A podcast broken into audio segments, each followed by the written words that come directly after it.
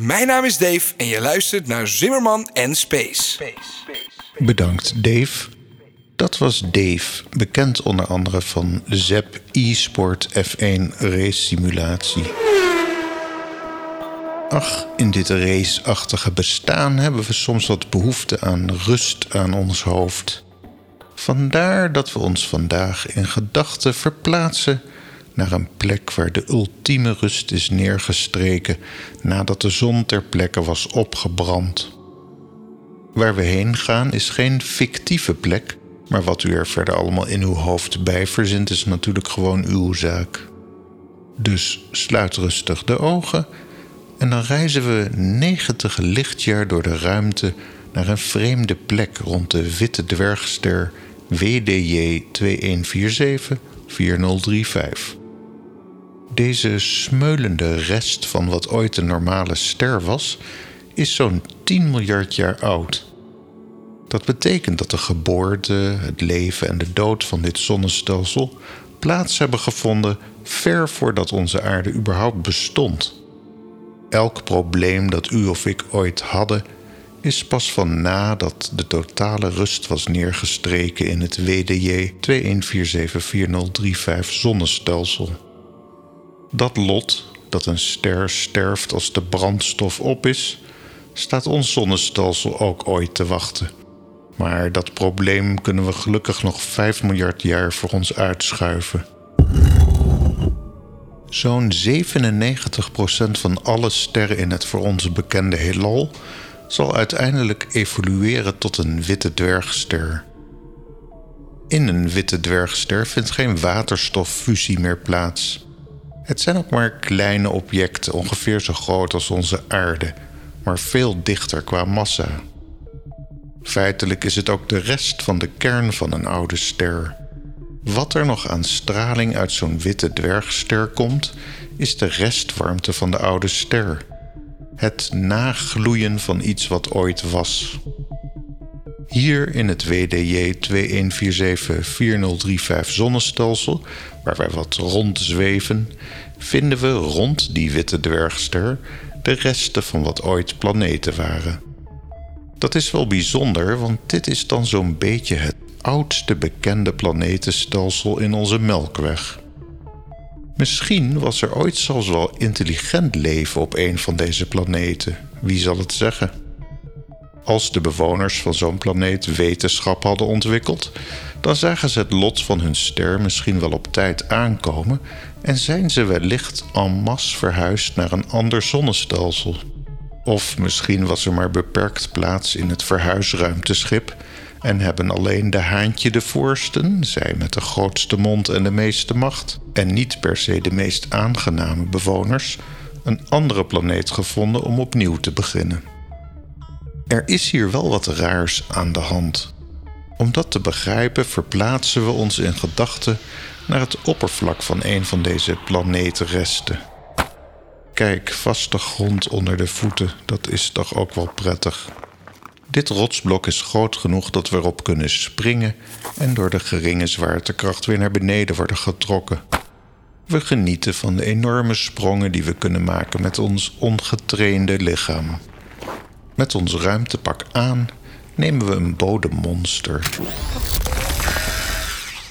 Als we ons bodemmonster onderzoeken, zien we dat wat we hier uit de grond hebben geboord vooral bestaat uit lithium en kalium. Dat zijn niet de elementen die we thuis op aarde direct als eerste in een bodemmonster zullen aantreffen. Op aarde bestaat slechts 2,4% van de aardkorst uit kalium en tussen de 0,002 en 0,006% uit lithium, volgens Science Direct. It is a complete mystery. Zegt astronoom Abigail Elms, die er samen met collega's over publiceerde in The Oxford Academic. Haar artikel heeft als titel Spectral analysis of ultra-cool white dwarfs polluted by planetary debris. WDJ 21474035 is een extreem koude en met metaal verrijkte witte dwergster. Koud betekent dan met een temperatuur van minder dan 4000 Kelvin, maar dat is voor een ster niet veel. Voor wie de natuurkunde te ver is weggezakt, 4000 Kelvin is gelijk aan 3726,85 graden Celsius. Dus dat is nog steeds genoeg voor een flinke blaar. Wat wel interessant is, is dat dit kerkhof van wat ooit een zonnestelsel was, onderdeel uitmaakt van de galactische schijf van onze eigen Melkweg. Dat betekent dat onze Melkweg dus ook beslist al 10 miljard jaar geleden moet hebben bestaan, in ieder geval in een of andere vorm. De oudst bekende ster in onze Melkweg is trouwens HE 15230901, die naar schatting zelfs 13,2 miljard jaar oud is. Maar daaromheen is nog geen planetenstelsel aangetroffen. We weten door het werk van astronoom Amina Helmi sinds 2018 dat onze Melkweg ooit is ontstaan door het samengaan van verschillende sterrenstelsels. Professor Dr. Helmi is overigens nu werkzaam als docent aan het Kapteininstituut van de Rijksuniversiteit Groningen. We staan nog steeds op deze verloren rots van lithium en kalium. Daar in de verte hangt die vreemde koede witte dwergster. Het artikel hierover noemt deze witte dwergster verrijkt met metaal. Dit is iets wat we in 25 tot 50 procent van de witte dwergsterren tegenkomen: een metaalverontreiniging. Dat metaal is daar terechtgekomen doordat planeten of resten daarvan op de overleden sterkern zijn terechtgekomen, ooit in een ver, ver verleden. Niet alle planeten worden verwoest bij het einde van het leven van een ster. Het is goed mogelijk dat een paar planeten dicht bij de ster direct al werden verzwolgen toen de ster eerst een rode reus werd. Dat is het voorstadium voordat zo'n ster een witte dwergster wordt. Net zoals de zijnertijd onze zon de planeten Mercurius en Venus zal verzwelgen.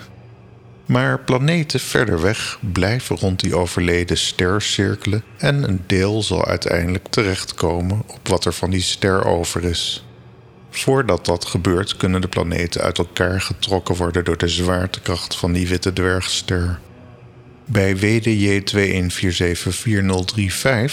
is waarschijnlijk iets dergelijks gebeurd, dus het metaal dat we aantreffen in de witte dwergster komt misschien van een planeet waar ooit cultuur, kunst en wetenschap werden bedreven. Wellicht had die planeet ook een vloeibare kern, net als onze aarde, waardoor er een magneetveld omheen bestond dat de bewoners beschermde tegen schadelijke kosmische straling. We slenteren in ons ruimtepak nog wat over dit brokstuk. Het is hier ongeveer net zo gezellig als het op een regenachtige dag in IJsland is. Gewoon een hoop niks en rots tot aan de horizon. Geen idee waarom we hier zoveel lithium en kalium in de bodem aantreffen. Ook Abigail Elms en haar team kunnen het ons niet zeggen. Wat het artikel ons wel leert, is dat die witte dwergster ook een merkwaardig magneetveld heeft. Dat is iets wat we niet standaard aantreffen bij witte dwergsterren. U vraagt zich misschien af hoe we in vredesnaam een magneetveld kunnen aantonen bij een witte dwergster die op 90 lichtjaar van ons verwijderd staat. Dat heeft te maken met het zogenaamde Zeeman-effect, genoemd naar de Leidse natuurkundige Pieter Zeeman. Het Zeeman-effect is het natuurkundige verschijnsel dat spectraallijnen van een atoom worden opgesplitst in de aanwezigheid van een sterk magnetisch veld. Wat in het spectrum eerst één enkel dun lijntje was, wordt dan zichtbaar als meerdere spectraallijnen vlak naast elkaar. Het externe magnetische veld heeft tot gevolg dat de twee mogelijke spintoestanden van het elektron in energie gaan verschillen met het externe veld meegericht of er tegenin. Dit is trouwens een van de bewijzen voor het bestaan van kwantisatie in de elektronenbanen rond het atoom en daarmee een van de sterkste aanwijzingen van de juistheid van de kwantummechanica. In de praktijk lukte dit voor het team van Abigail Elms door naar de spectra van de witte dwergster te kijken met behulp van de Gaia-satelliet. De onder normale omstandigheden enkelvoudige lithiumlijn in het spectrum was zichtbaar als drie lijnen vlak naast elkaar. Dit is het Zeeman-effect op 90 lichtjaar van ons vandaan. Al met al bevinden we ons wel op een rare plek, Dit superoude kerkhof van wat ooit een zonnestelsel was. Maar rustgevend is het hier wel in zekere zin.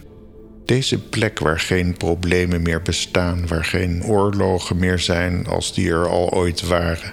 Waar het bankaire systeem niet op het punt van omvallen staat en waar water, als het hier al ooit stroomde, niet schaars is of eilanden van de kaart veegt. Hier is alles voorbij. Dus laat ons rustig nog wat rondlopen in dit barre landschap. Bij gebrek aan atmosfeer zien we de meest fantastische sterrenhemel door onze helm. Al is het lastig om er sterrenbeelden in te herkennen, zo'n 90 lichtjaar verwijderd van de vertrouwde aarde. Dan valt onze blik op iets wat er artificieel uitziet. Het licht op deze verlaten plek op ons pad. Het lijkt een beetje op een oude handdoek met een inscriptie. Wat zou er staan? Eat at Luigi's? Oh nee, natuurlijk, er staat. Don't panic. Dat zullen we dan maar niet doen. Wel te rusten of gewoon tot de volgende keer.